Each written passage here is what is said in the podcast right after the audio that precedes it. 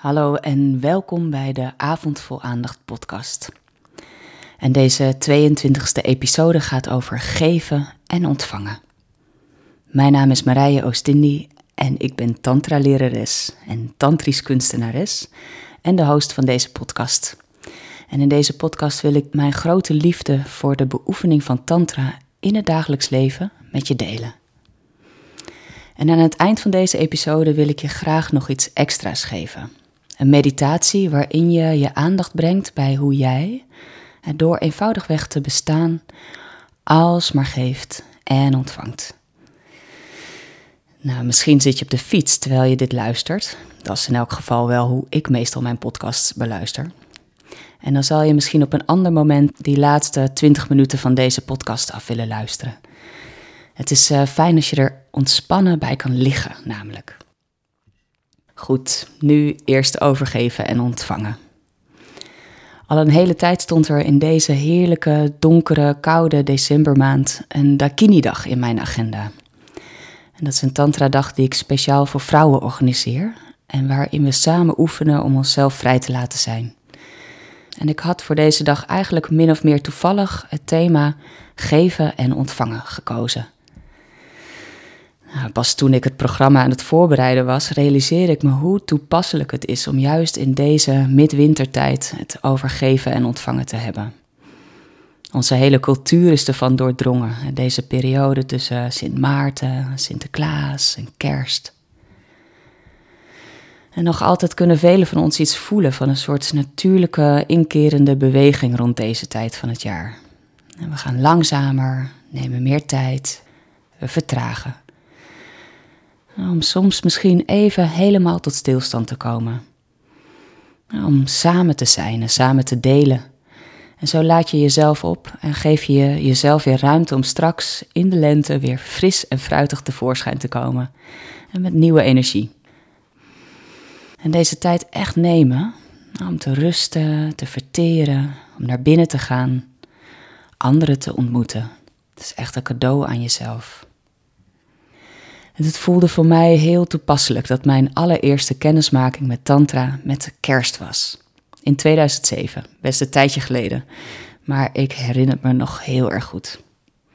Het was donker buiten en koud en het sneeuwde zelfs die tijd.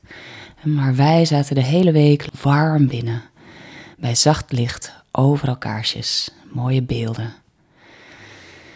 En we brachten ook onze aandacht naar binnen, en bij die magische, wonderbaarlijke wereld van ervaringen die daar ineens aan mijn voeten lag. Wauw.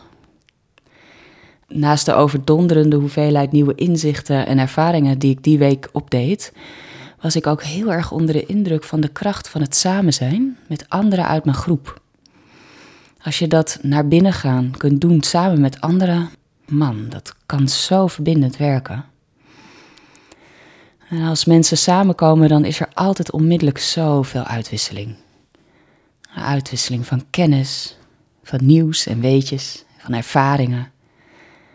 Uitwisseling van tastbare cadeaus soms ook. Die worden gegeven en in ontvangst worden genomen. En daar kom ik zo nog op terug.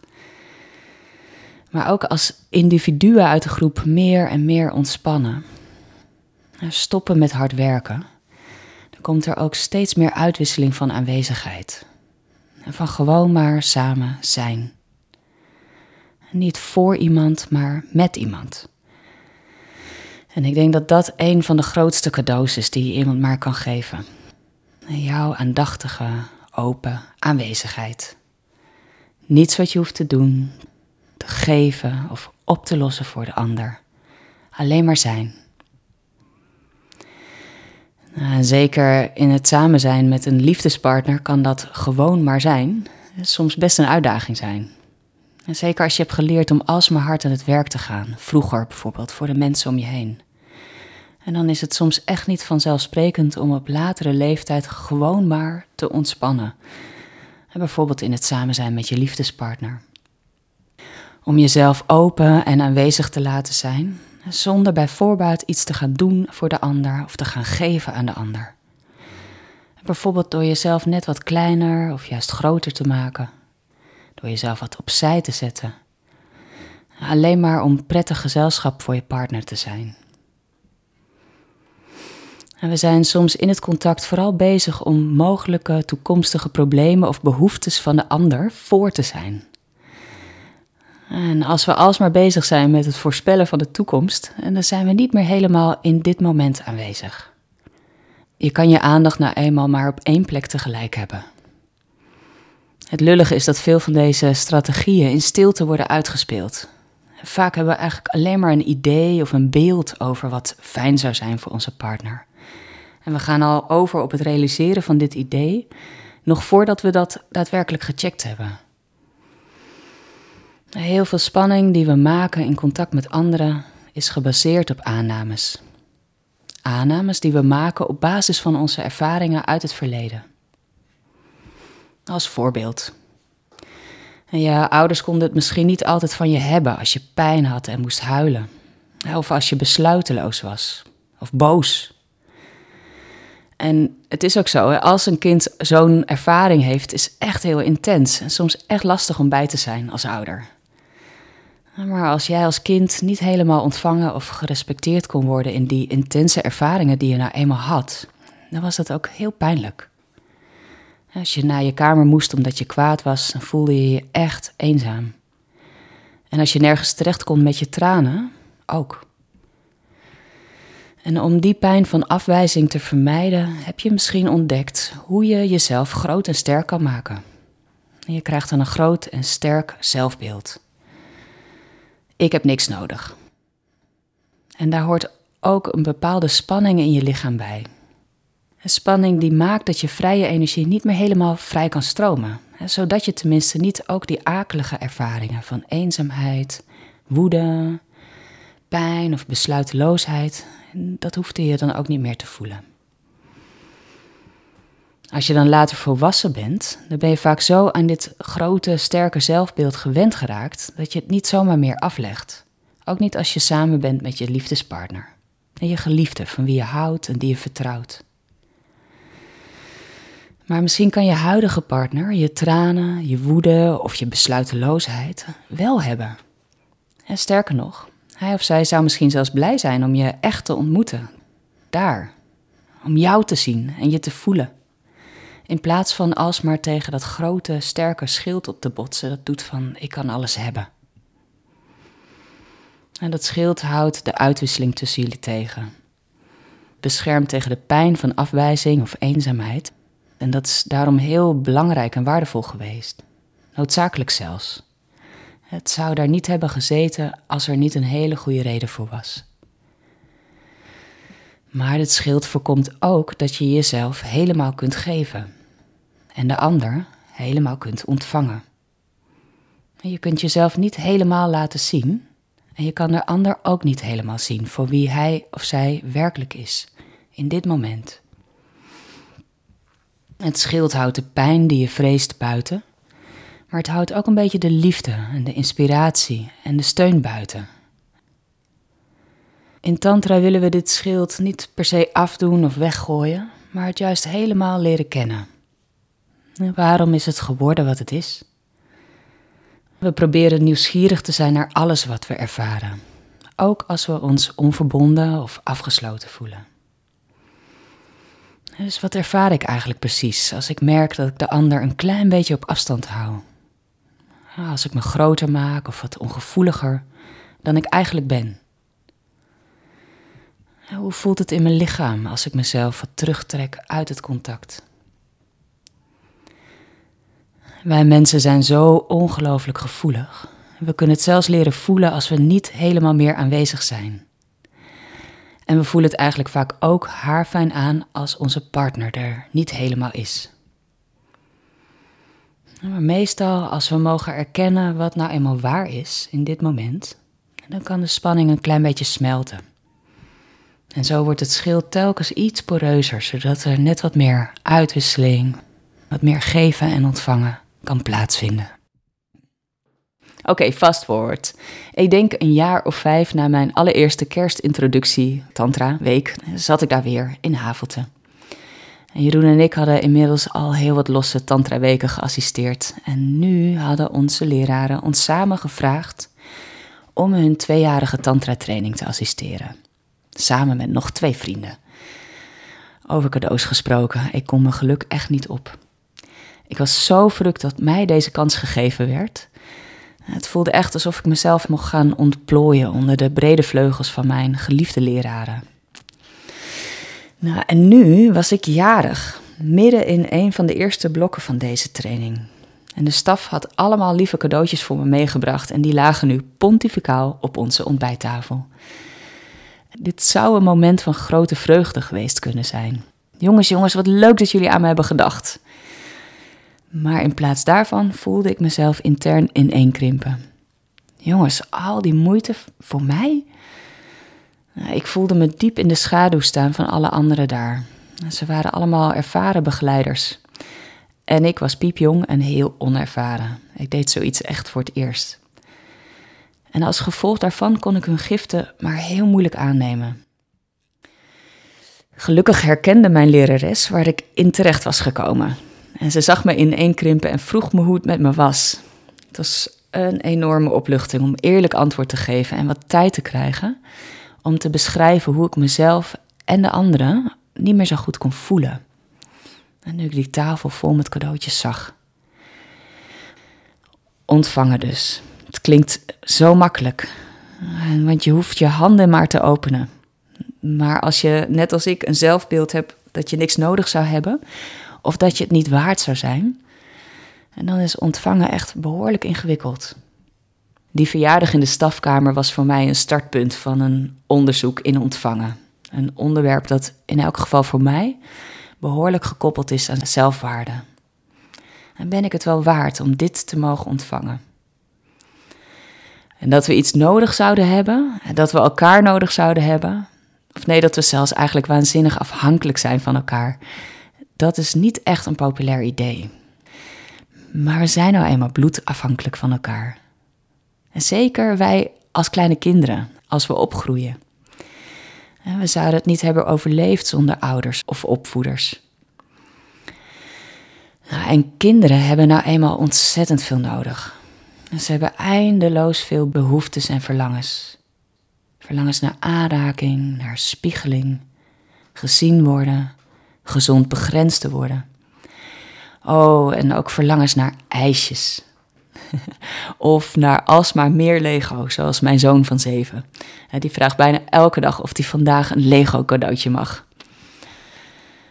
Als je een kind krijgt, dan kan het überhaupt ontzettend wennen zijn hoeveel je ineens moet geven.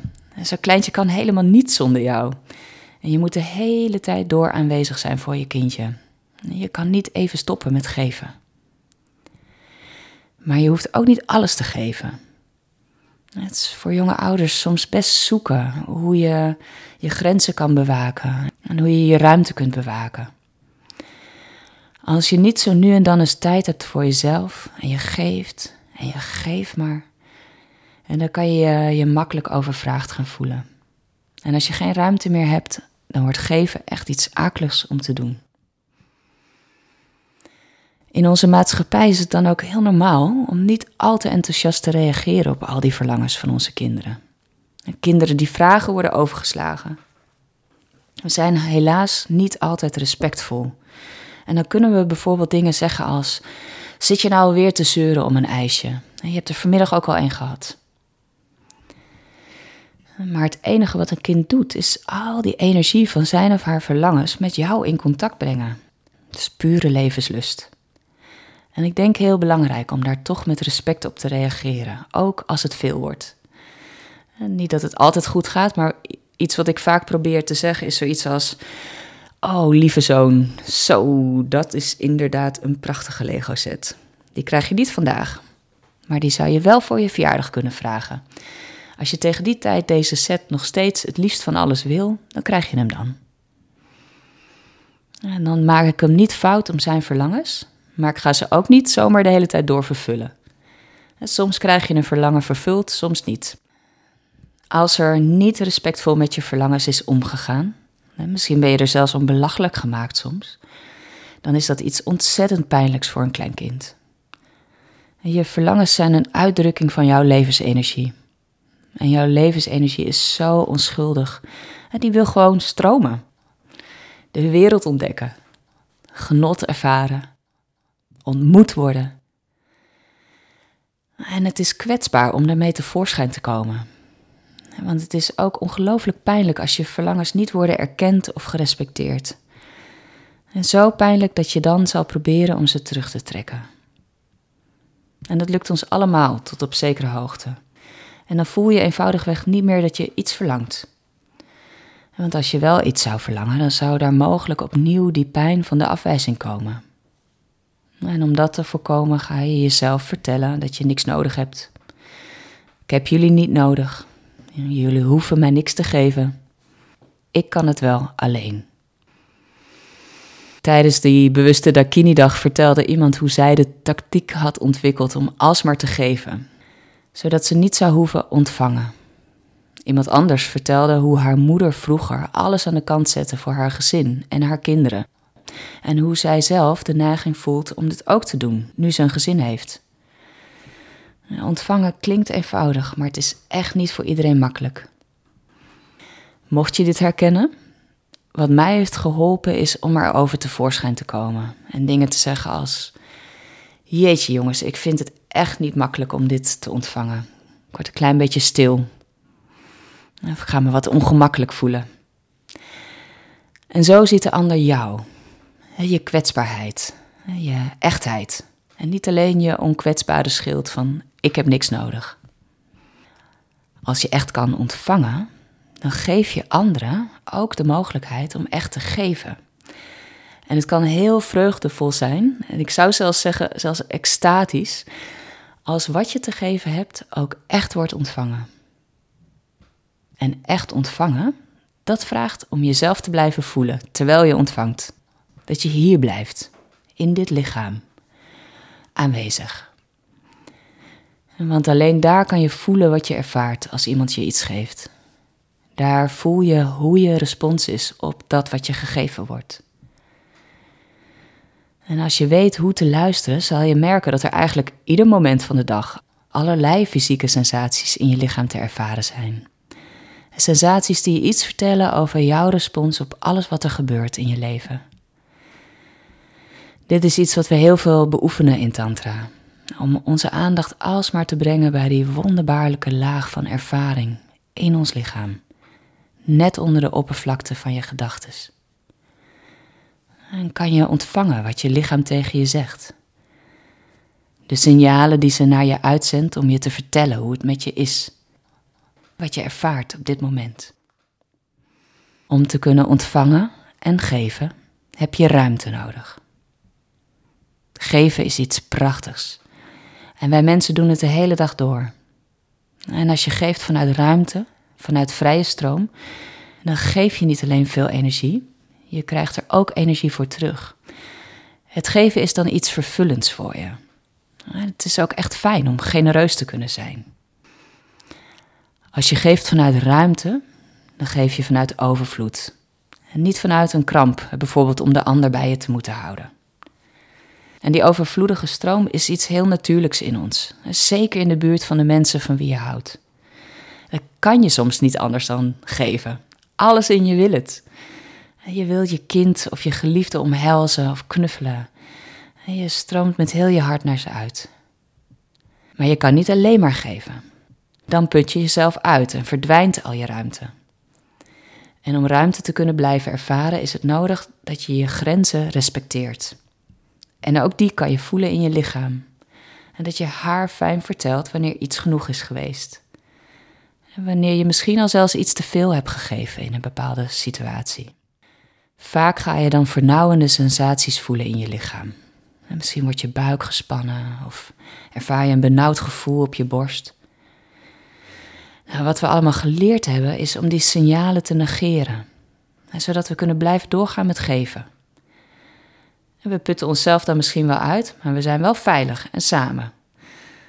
Maar uiteindelijk is het duurzamer om wel naar je grenzen te luisteren en goed voor je eigen ruimte te zorgen. Soms creëren we veiligheid voor onszelf door alsmaar te geven. Door inschikkelijk te zijn, alles op te lossen, niet te veel te vragen, het de ander niet te moeilijk te maken. En dan schenken we iemand die zojuist een nare opmerking heeft gemaakt onze stralendste glimlach. In plaats van onze ware, veel kwetsbaarder respons. Jee, ik schrik van wat je zegt. Om maar samen te kunnen blijven, zijn we soms bereid om een heel eind bij onszelf vandaan te gaan. Geven om je partner bij je te houden. Geven om onmisbaar te zijn voor je gezin. Geven omdat je bang bent dat de ander misschien wegloopt als je het niet doet. Deze vormen van geven die kosten je energie. Als ze alleen houden van je om wat je doet, niet om wie je bent, en waarom zou je dan blijven? En als ze van je houden, niet om wat je doet, maar om wie je bent, en waarom zou je dan nog zo hard werken? Het is soms moeilijk om te geloven hoeveel meer anderen van ons kunnen houden en onze schoonheid en waarde zoveel beter kunnen zien dan wij zelf. Jeroen zegt wel eens tegen me: Ik hoef niet elke dag een sterrenmaaltijd. Ik wil gewoon contact met jou. Ik ben benieuwd hoe het met je is. Kom zitten. Meestal ben ik mezelf op zo'n moment weer dus helemaal in de stress aan het werken. Maar als je partner zoiets durft te zeggen tegen je, let dan goed op. Hier is een nieuwe kans om te ontdekken hoe waardevol je bent. Gewoon omdat je er bent, om wie je bent. Verder niets. Dus bestel dan een pizza, leg je benen op de bank en geniet van het samen zijn. Nou, ik wil, voor we zo meteen met de ademmeditatie gaan beginnen, nog twee recente ervaringen delen over geven en ontvangen. Eentje vond plaats tijdens die bewuste Dakini-dag over geven en ontvangen, afgelopen zaterdag. Toen gaven mijn twee assistentes en ik met z'n drietjes een demonstratie van een aanraakoefening, waarbij je ook wat dieper ademhaalt. Nou, en als we meer zuurstof toelaten in ons lichaam, dan worden onze gedachten een klein beetje minder dominant. En dan kan je vaak meer voelen in je lichaam. We gebruiken in Tantra allerlei ademtechnieken, omdat die ons helpen om iets meer van onze vrije stroom te ervaren. En als er meer stroming in ons is, dan worden we levendiger, kunnen we beter voelen waar we naar verlangen. We kunnen ook beter voelen wat we te geven hebben. Het gaat gewoon veel meer vanzelf, omdat je het direct in je lichaam ervaart en er niet meer zo over nadenkt.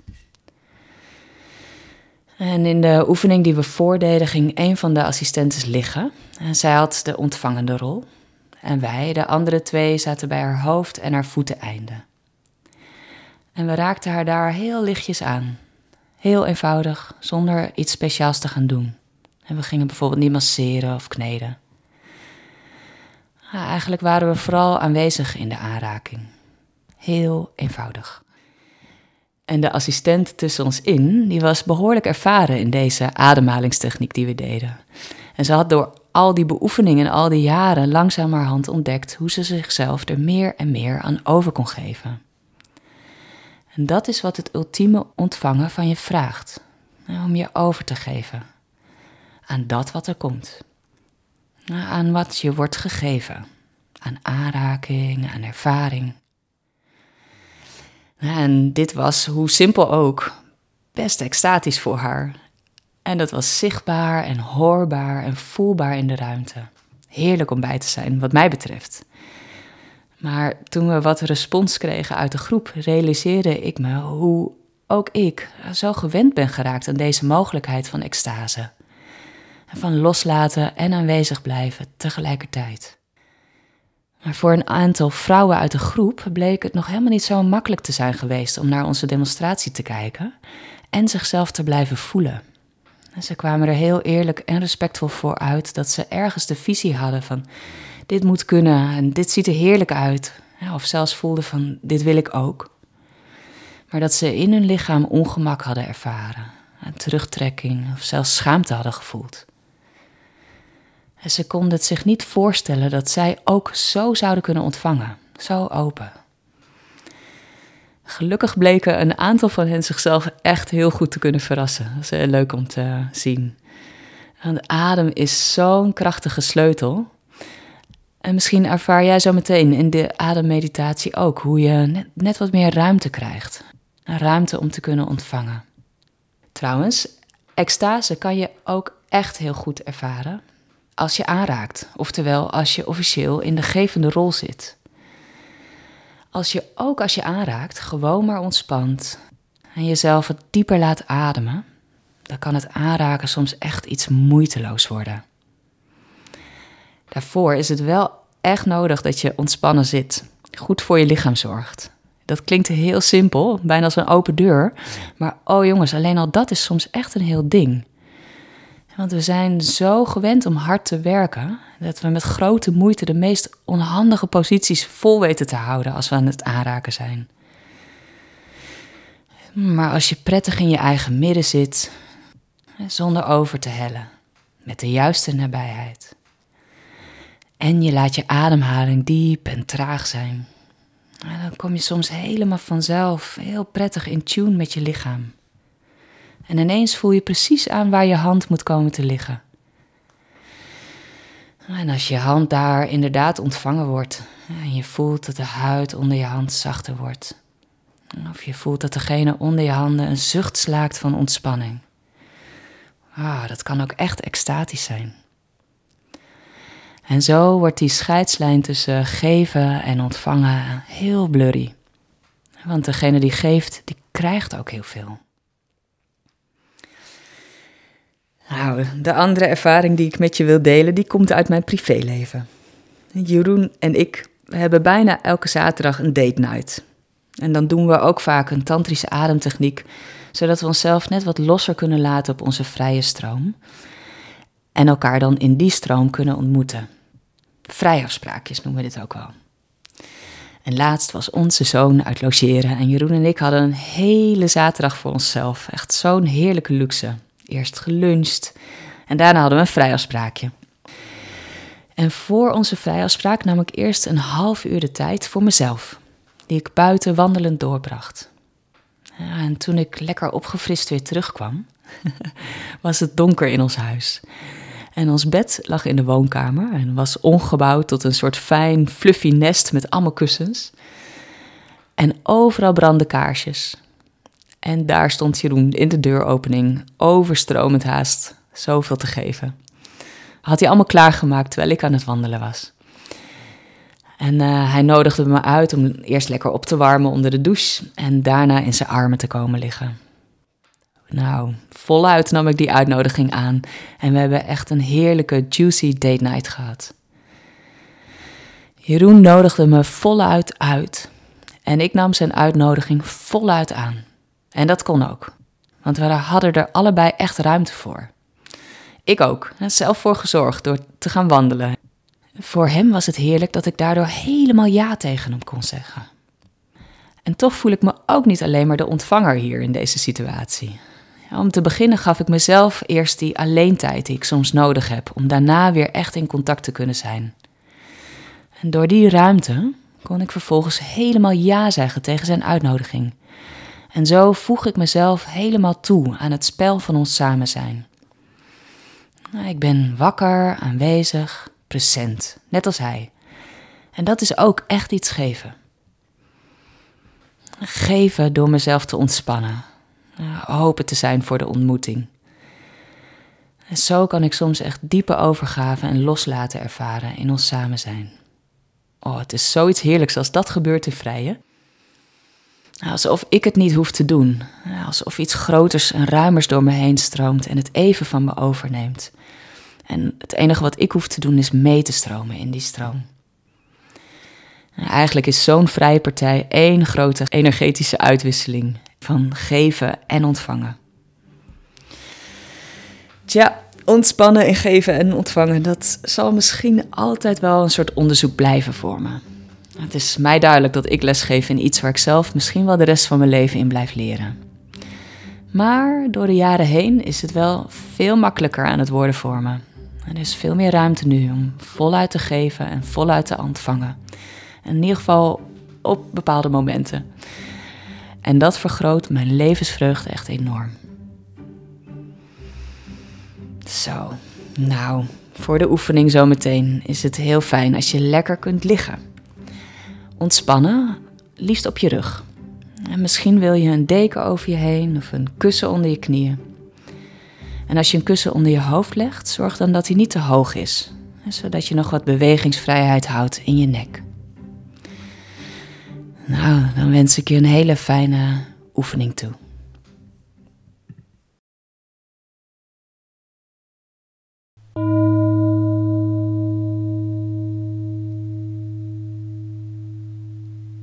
Leg je armen ergens neer waar het prettig voelt voor je. Naast je of ergens op je lichaam. En dan breng je je aandacht bij de raakvlakken tussen je lichaam en de ondergrond waar je op ligt.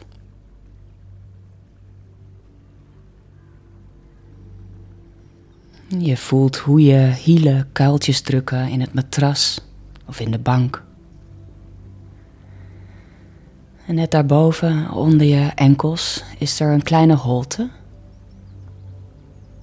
En je kuiten zijn weer in contact.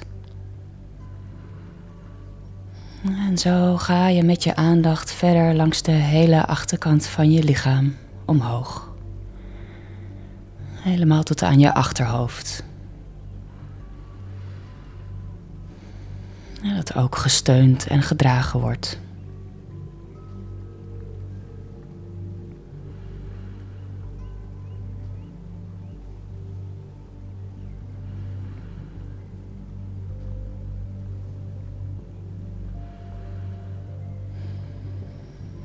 Hoe je lichaam zich meer en meer overgeeft aan dit contact met de grond onder je.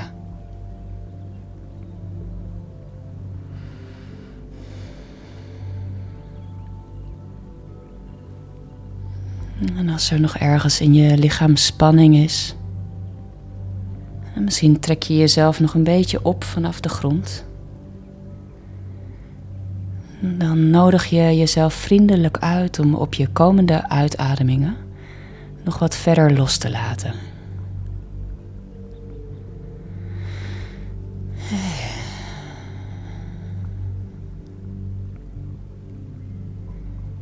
En zo kom je alsmaar meer te landen hier, op de plek waar je ligt.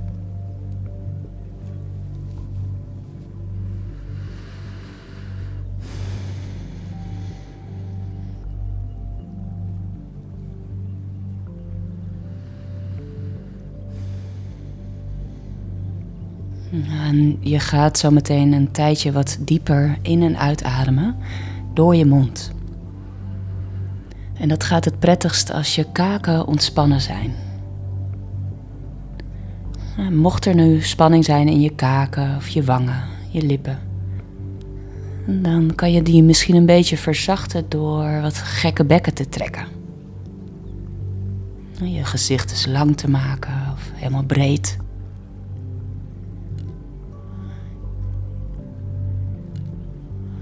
Je kan ook je tong uitsteken. Of je kaken wat uh, masseren. En je zou ook jezelf kunnen uitnodigen om een beetje te gapen.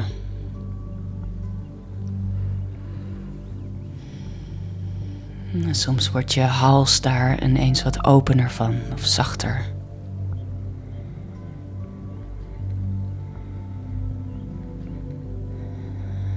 En dan adem je vanaf nu in en uit door je mond. Geef je jezelf wat tijd om te wennen.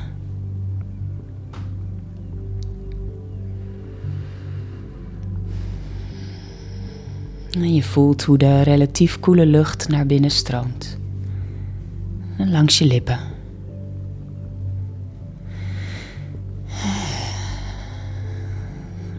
De lucht dan door je keel, je longen binnenstroomt. En als je mondholte misschien wat droog wordt, dan kan je altijd slikken of een slok water nemen.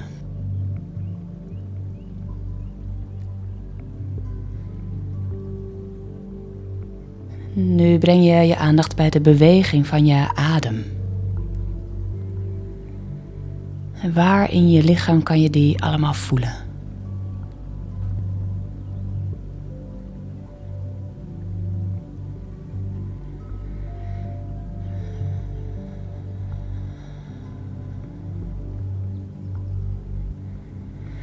En dan stel je je voor dat de impuls om te ademen als eerste uit je buik komt.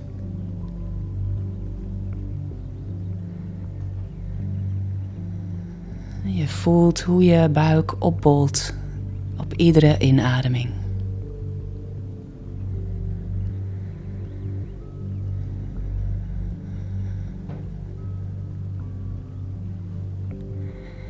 Iedere keer als je inademt, dan geef je jezelf frisse, nieuwe zuurstof. Voeding voor je lichaam. En als je meer van die zuurstof inademt, dan gaat je energie vaak wat voller stromen. En dat maakt je wat wakkerder en levendiger. Nou, misschien voel je daar nu al iets van.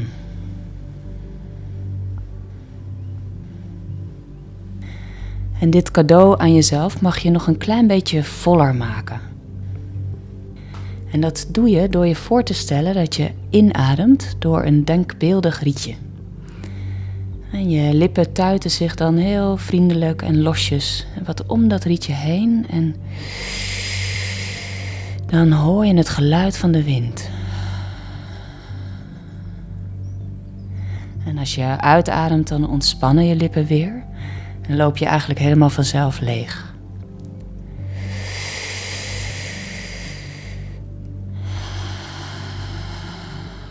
Deze manier van ademen wordt ook wel de windademhaling genoemd. En als je het geluid van de wind hoort op je inademing, dat is genoeg.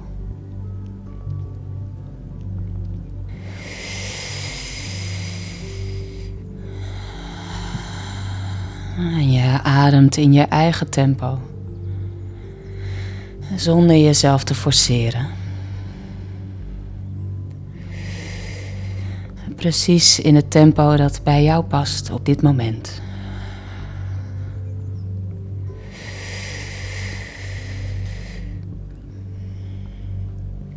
En alsmaar hoor je het geluid van de wind op je inademing.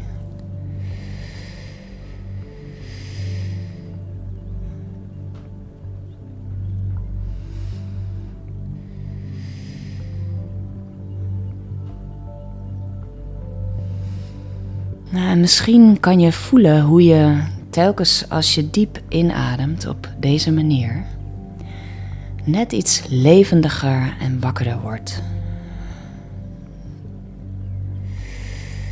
En net iets meer aanwezig. Hier.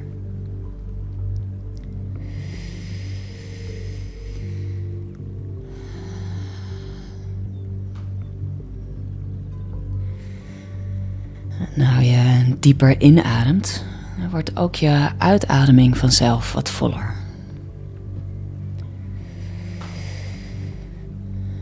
En misschien kan je ook voelen hoe je iedere keer als je diep uitademt op deze manier meer en meer loslaat.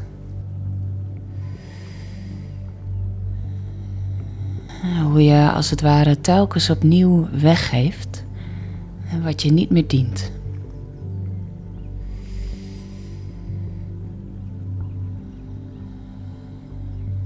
Iedere uitademing opnieuw laat je los en geef je weg.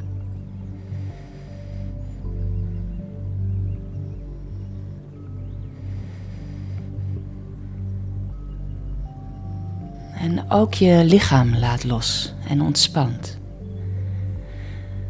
En misschien kom je nog wat zwaarder te liggen hier op deze plek.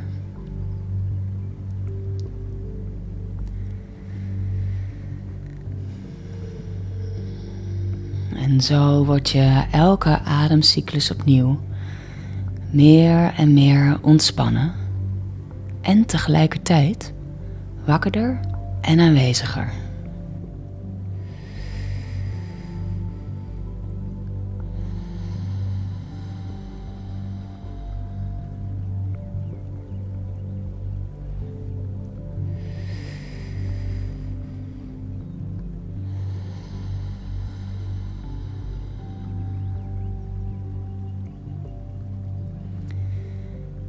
Nu leg je één hand op je buik, als die daar niet al lag, om je adem daar te voelen. En merk op of er iets verandert aan je adem als je dat doet.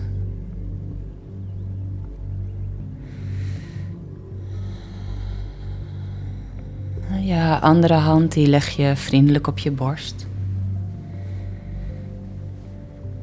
En zo laat je je beide handen contact maken met de beweging onder je handen.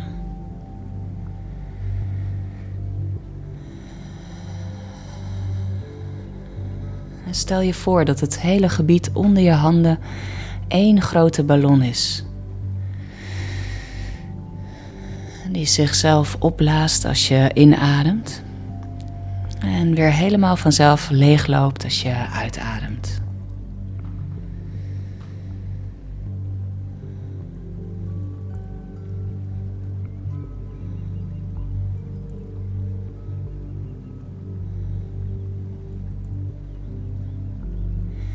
En nu je een tijdje behoorlijk wat dieper ademt dan normaal,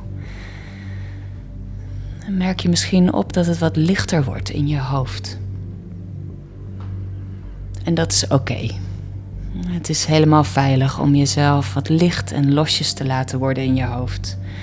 En je intelligentie komt straks helemaal vanzelf weer terug. maak je geen zorgen. En misschien ga je je wel heel eenvoudig voelen. Een eenvoudig ademend wezen.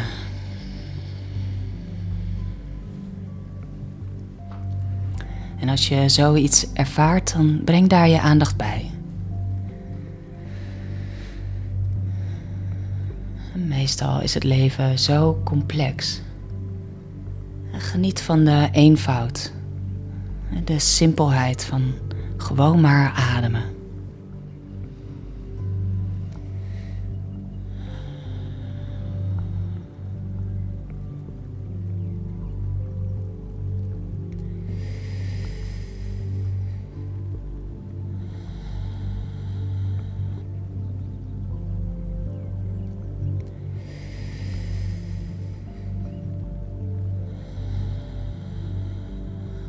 Als er gedachten zouden zijn, dan vecht daar niet tegen. En breng in plaats daarvan je aandacht bij de beweging van je adem in je lichaam.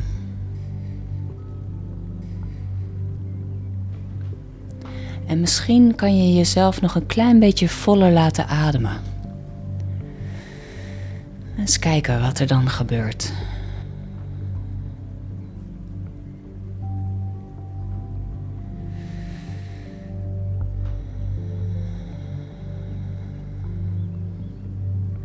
En zo neem je tijd om te ademen. Je lippen alsmaar getuit om dat denkbeeldige rietje. Iedere inademing opnieuw.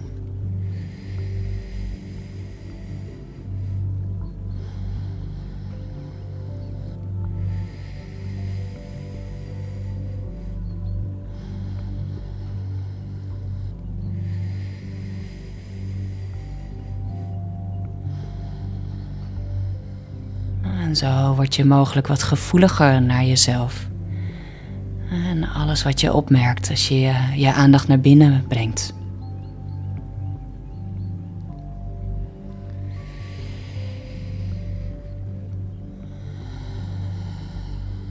En het zou goed kunnen zijn dat er wat meer energie gaat stromen in je lichaam. meestal kun je dat voelen als tinteling of als stroming.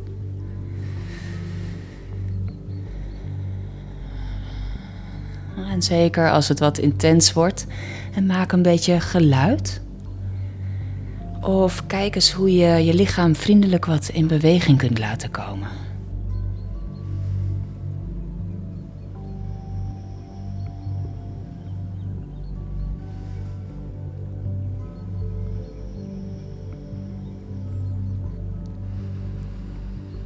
Mochten de sensaties wat te intens worden, dan kun je ook altijd weer wat oppervlakkiger ademen.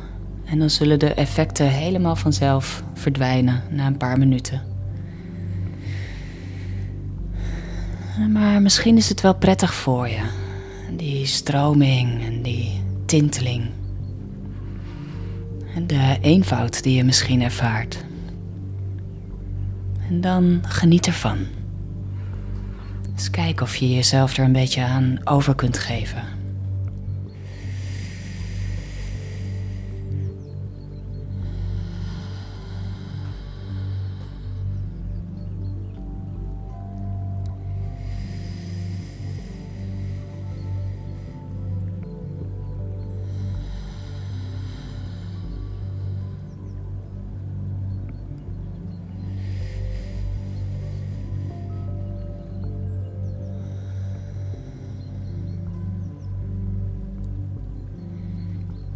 Iedere inademing opnieuw. Frisser, wakkerder. Meer hier.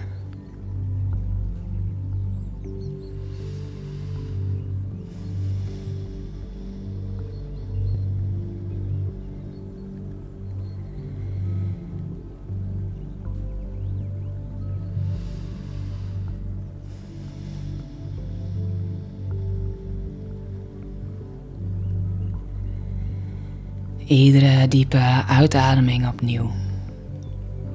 Meer ontspanning. Meer loslaten. Meer nu.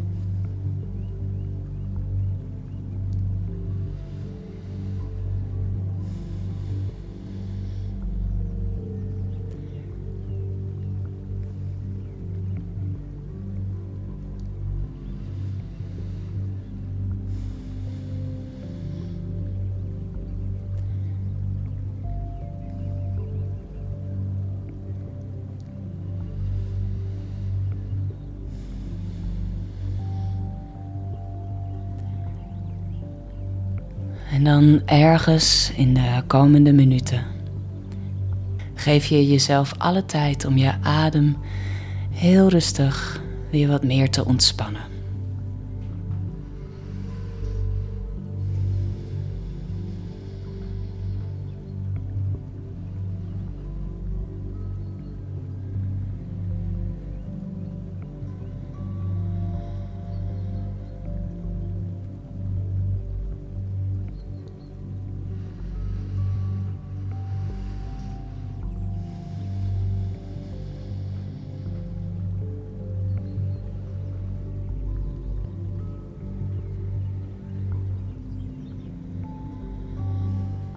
Misschien wil je lichaam een andere houding vinden waarin je nog meer kunt ontspannen en loslaten.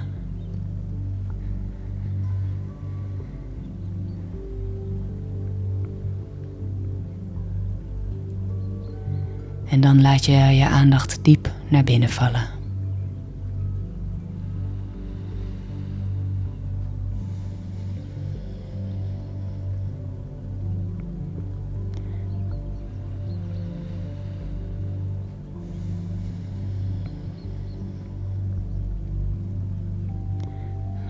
Ruimte gevend aan alles wat je opmerkt.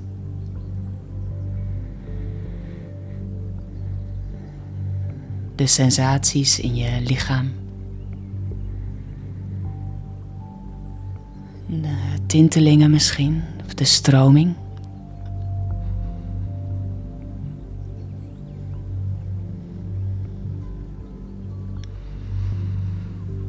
Het zou ook een beetje kunnen gaan voelen alsof je net wat meer oplost. Alsof je je vaste vorm wat verliest en uitdijt of uitstroomt in de ruimte.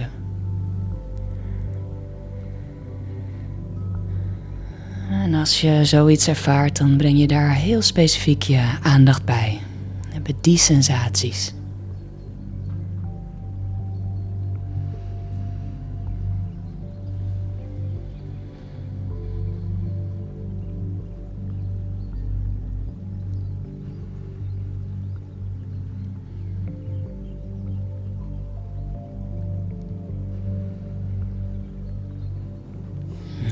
Misschien wil je hier nog een tijdje blijven liggen. En die tijd met jezelf, die gun ik je van harte. Dus ik ga je hier verlaten. Dankjewel voor het doen van deze ademoefening. En dank ook voor je vertrouwen. Ik hoop dat het een eh, fijne ervaring voor je was. Dag.